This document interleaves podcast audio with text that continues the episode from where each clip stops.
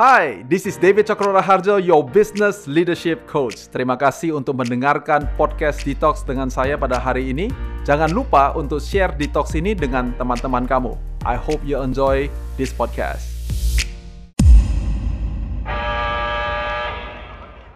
um, namanya masalah, namanya struggles tuh nggak mungkin dihapuskan dari kehidupan seorang manusia. Ya, justru malah itu yang menjadikan kita masih hidup.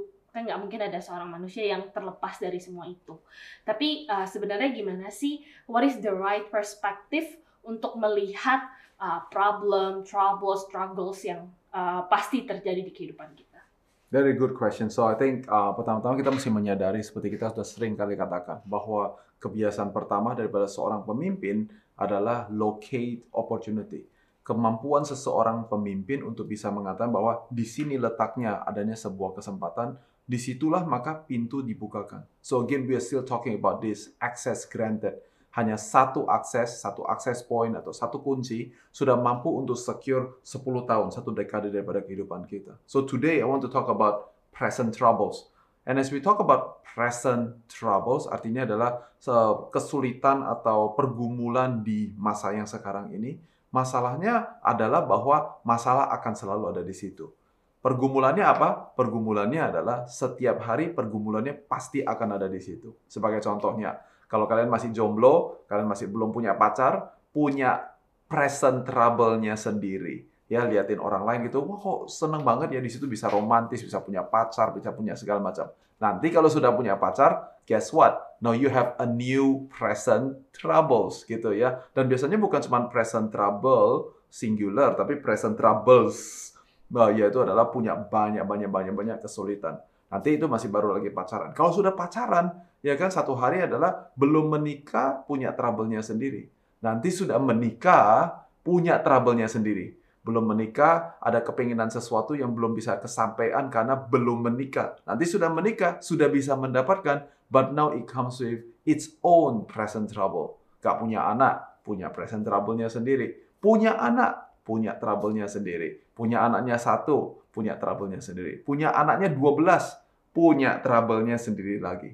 Maybe some of you, pertamanya adalah waktu masih kerja untuk orang, cuma jadi employee, tapi punya aspirasi mau jadi seorang startup owner sebagai contohnya, you have your own troubles then. Tapi nanti kalau sudah punya bisnis, you will have your own set of trouble. Banyak orang yang uh, iri atau melihat kepada orang-orang yang punya bisnis, enak ya jadi bos ya, dan waktu dia jadi bos, ternyata dia bilang adalah lebih enak jadi profesional. Waktu bisnisnya lagi gak ada uang, mesti semuanya ikat pinggang, semuanya mesti pakai budget, punya dia punya trouble. Nanti udah punya banyak uang, profitnya besar, cash flow-nya besar, you will have another trouble. So you see, all things semuanya memiliki present troubles.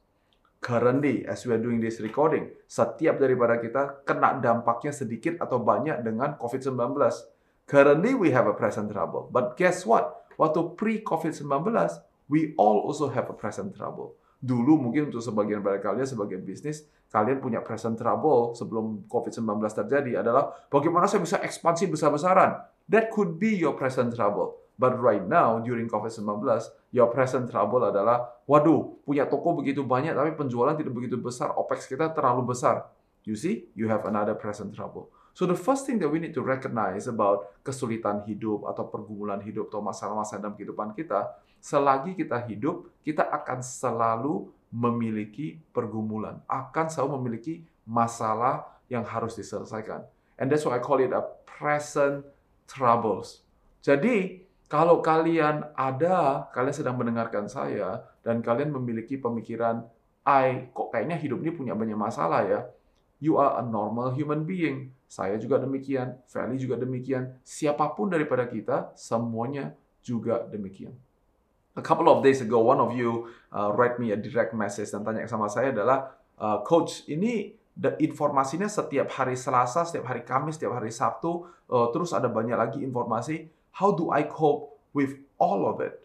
You see, even dengerin saya ngajar aja, you will get into a present troubles situation. Ada orang yang bingung ya, saya adalah, aduh kok mau belajar tapi saya nggak tahu mau belajar apa. Nah sekarang kalian mungkin kebanyakan. So we all have these present troubles dan oleh karena itu troubles ini atau kesulitan ini meminta kita untuk bergumul, meminta kita untuk melakukan sesuatu. Trouble itu tidak datang hanya supaya kita kemudian menjadi uh, diam atau kemudian tidak uh, mati mati kutu dan tidak bisa melakukan apa-apa. As a matter of fact, is asking us to struggle. If you heard me saying this before, saya selalu katakan bahwa kalau kita mau kaya, kayalah di dalam dua hal ini. Yang pertama adalah perspektif, yang kedua adalah Adversaries. adversities.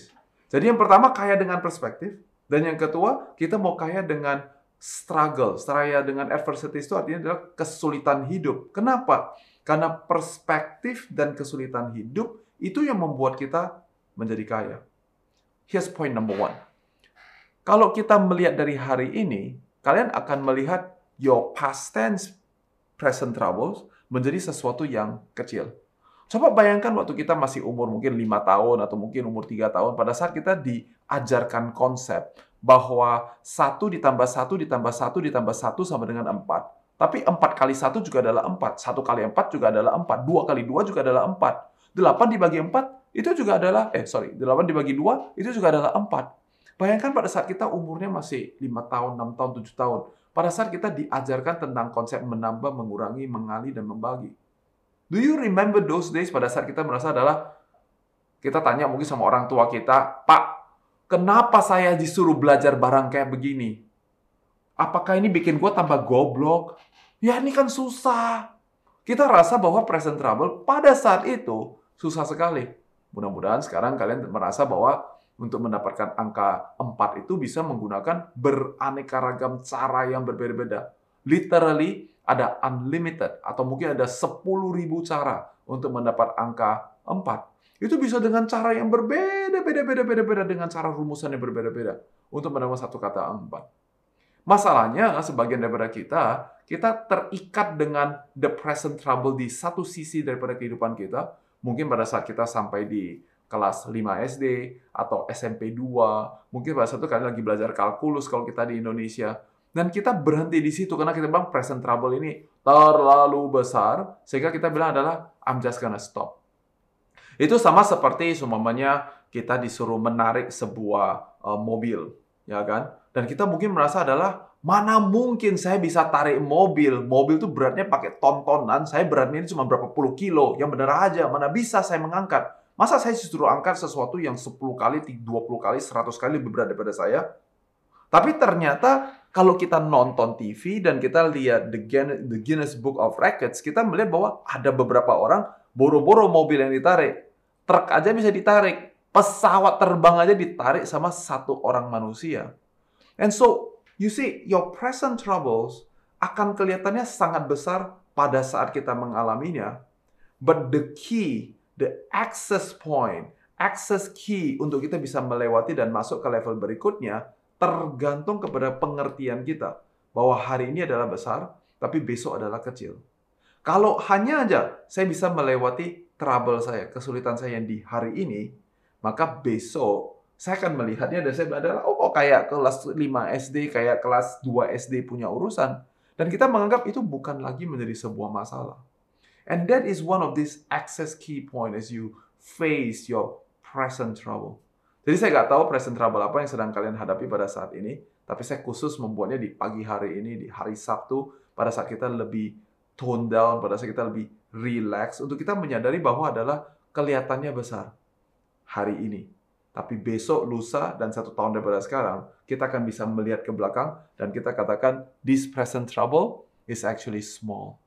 Yang kedua, kalau kita melihat dari kacamata hari ini, semua present troubles kita, semuanya jangka jangka waktunya itu pendek-pendek semuanya. I want to give you an extreme example. Kita di Indonesia dijajah oleh Belanda selama 350 tahun. Nah, dalam 350 tahun, bisa bayangin nggak? Kalian bahkan tidak punya keluarga, anggota keluarga yang umurnya 350 tahun. Yang umurnya 100 tahun aja saya rasa jarang-jarang ada. Nah, imagine this. 350 tahun punya troubles kita selalu dikasih tahu bagaimana mereka begitu kesulitan untuk bisa menghadapi kehidupan mereka. Begitu susahnya, how many hours atau berapa banyak waktu yang kalian butuhkan untuk cerita tentang sejarah Indonesia pada saat di zaman zaman dijajah oleh Belanda? I promise you, it doesn't take you 350 years untuk menceritakan sejarah itu.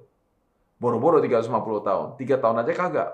Mungkin butuh 3 hari, mungkin butuh 30 hari, but come on, is satu bulan dilawankan dengan 350 tahun punya troubles. So you see, when you look from the future self, you will look at every present trouble as just a short period of time. Nah, sering kepada kita, kita berpikir dari konteks pada saat ini. Pada saat ini kita merasa adalah begitu capeknya pekerjaan pada hari ini atau pada 24 jam terakhir ini atau dalam waktu 48 jam atau satu minggu atau satu bulan atau bahkan mungkin buat sebenarnya kalian enam bulan atau satu tahun. Now I understand that pada saat kalau kita yang jalankan enam bulan punya kesulitan, kita pasti akan merasa ada waktunya kita merasa capek.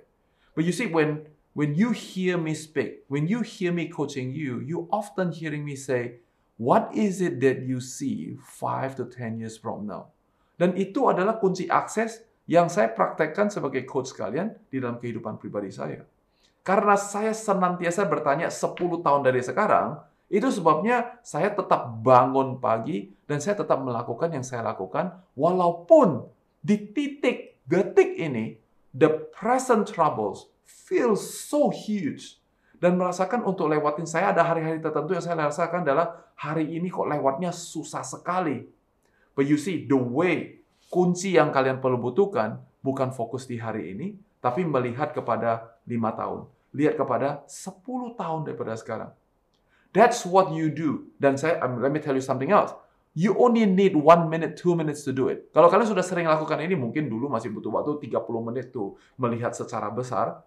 Tapi kalau saya sering lakukan seperti ini, kadang-kadang kalau saya pas lagi kebetulan sedang um, merasa ini kok kayaknya susah sekali, all I need to do adalah I play one song di dalam uh, Spotify saya atau whatever apps yang kalian pakai. I have a list of songs. There's something in my in my phone that's called DT90. There's 90 lagu yang sudah saya taruh di situ yang adalah untuk gua banget. Dan pada saat saya lagi mainkan, I need one song. So you know how long is one song? 3 menit, 3 menit setengah, 5 menit maybe, 7 menit maybe. But within that three to five minutes, saya mampu untuk calm myself down. And this is exactly what I do. I look into the future and I know that my present trouble doesn't last long. Cuma untuk waktu yang pendek saja. Nanti satu hari dalam waktu satu statement seperti saya katakan sama kalian, if you prepare it only in the time of your need, you're already too late. Do you know why I say that? Karena saya pernah lewatin present trouble di masa lalu yang rasanya panjang sekali dan akhirnya saya menyadari bahwa adalah ini semuanya trouble yang sekarang saya punya ini cuman gara-gara I did not prepare it before I actually need it. So you see, struggle yang terjadi selama 5 tahun, 6 tahun disummarize dengan satu statement dan dengan satu statement itu semuanya go away. This is a very very important concept and I hope this is useful for you. Nah, sehingga bagian yang ketiga, poin saya yang ketiga, yaitu adalah your present troubles is hiding your future glory. Present trouble saya yang hari ini nih, itu seperti lagi menyembunyikan my future glory. Seperti tadi saya katakan, satu quote itu bukan gara-gara cuman baca satu buku atau uh, nonton satu video and then kemudian come up with one statement.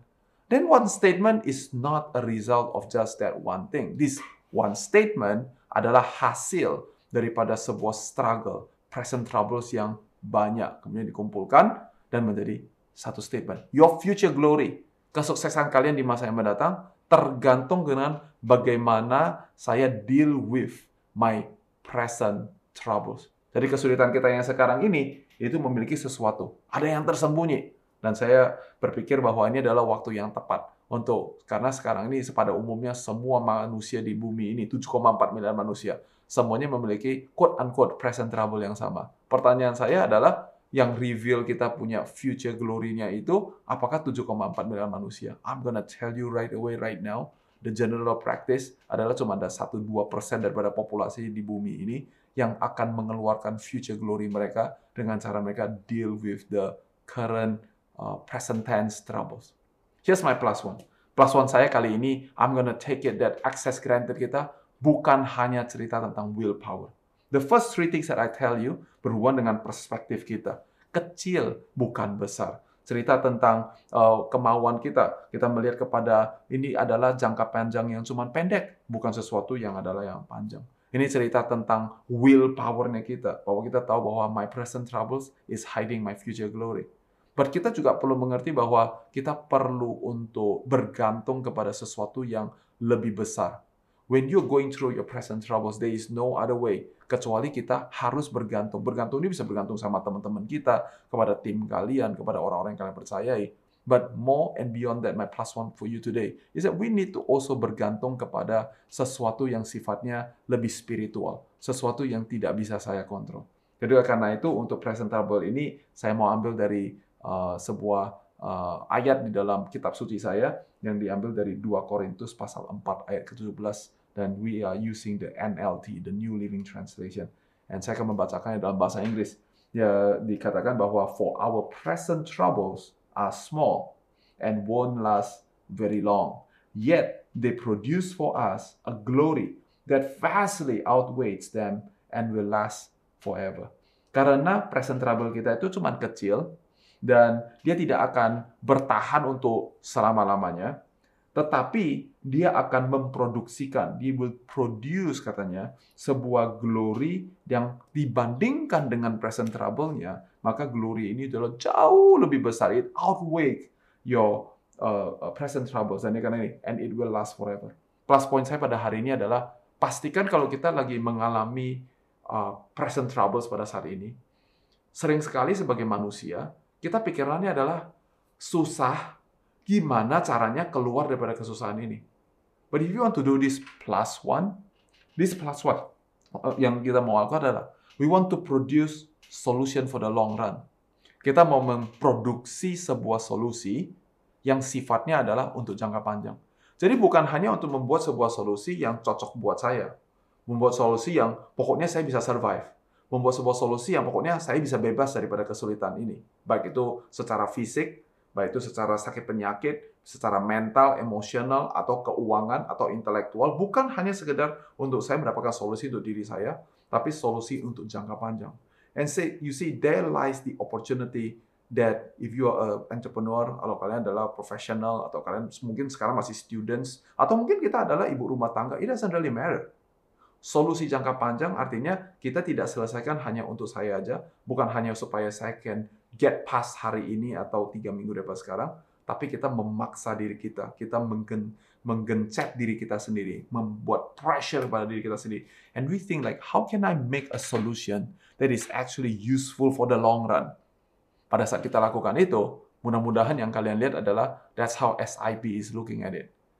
You have troubles? Guess what? Myself and every single member in this family, kita semuanya punya present trouble kita sendiri-sendiri. Tapi kita mencoba untuk membuat sebuah solusi yang sifatnya jangka panjang, yang lebih besar daripada yang kita bisa alami pada saat ini. And there lies opportunities. There lies access key, pintu masuk, access granted kepada tempat-tempat yang selama ini mungkin kelihatannya tertutup. It is for this reason. Ada orang yang justru kena krisis, malah melambung tinggi, tapi ada orang yang kena krisis, malah terbenam masuk ke dalam muka bumi. So which one are you? Going up or going down? Go to new glory or going to a new low? Semuanya tergantung dengan how you view and do during your present troubles. Thank you for listening to Detox with David Chokro Raharjo. Please share this podcast to all social media that you have kalau kamu mau tahu lebih banyak tentang Coach DT, kamu bisa cek description box dari Detox ini atau go to our website di www.davidcokroraharjo.com. Dan jangan lupa untuk follow Instagram Coach DT di @dtjokr.or.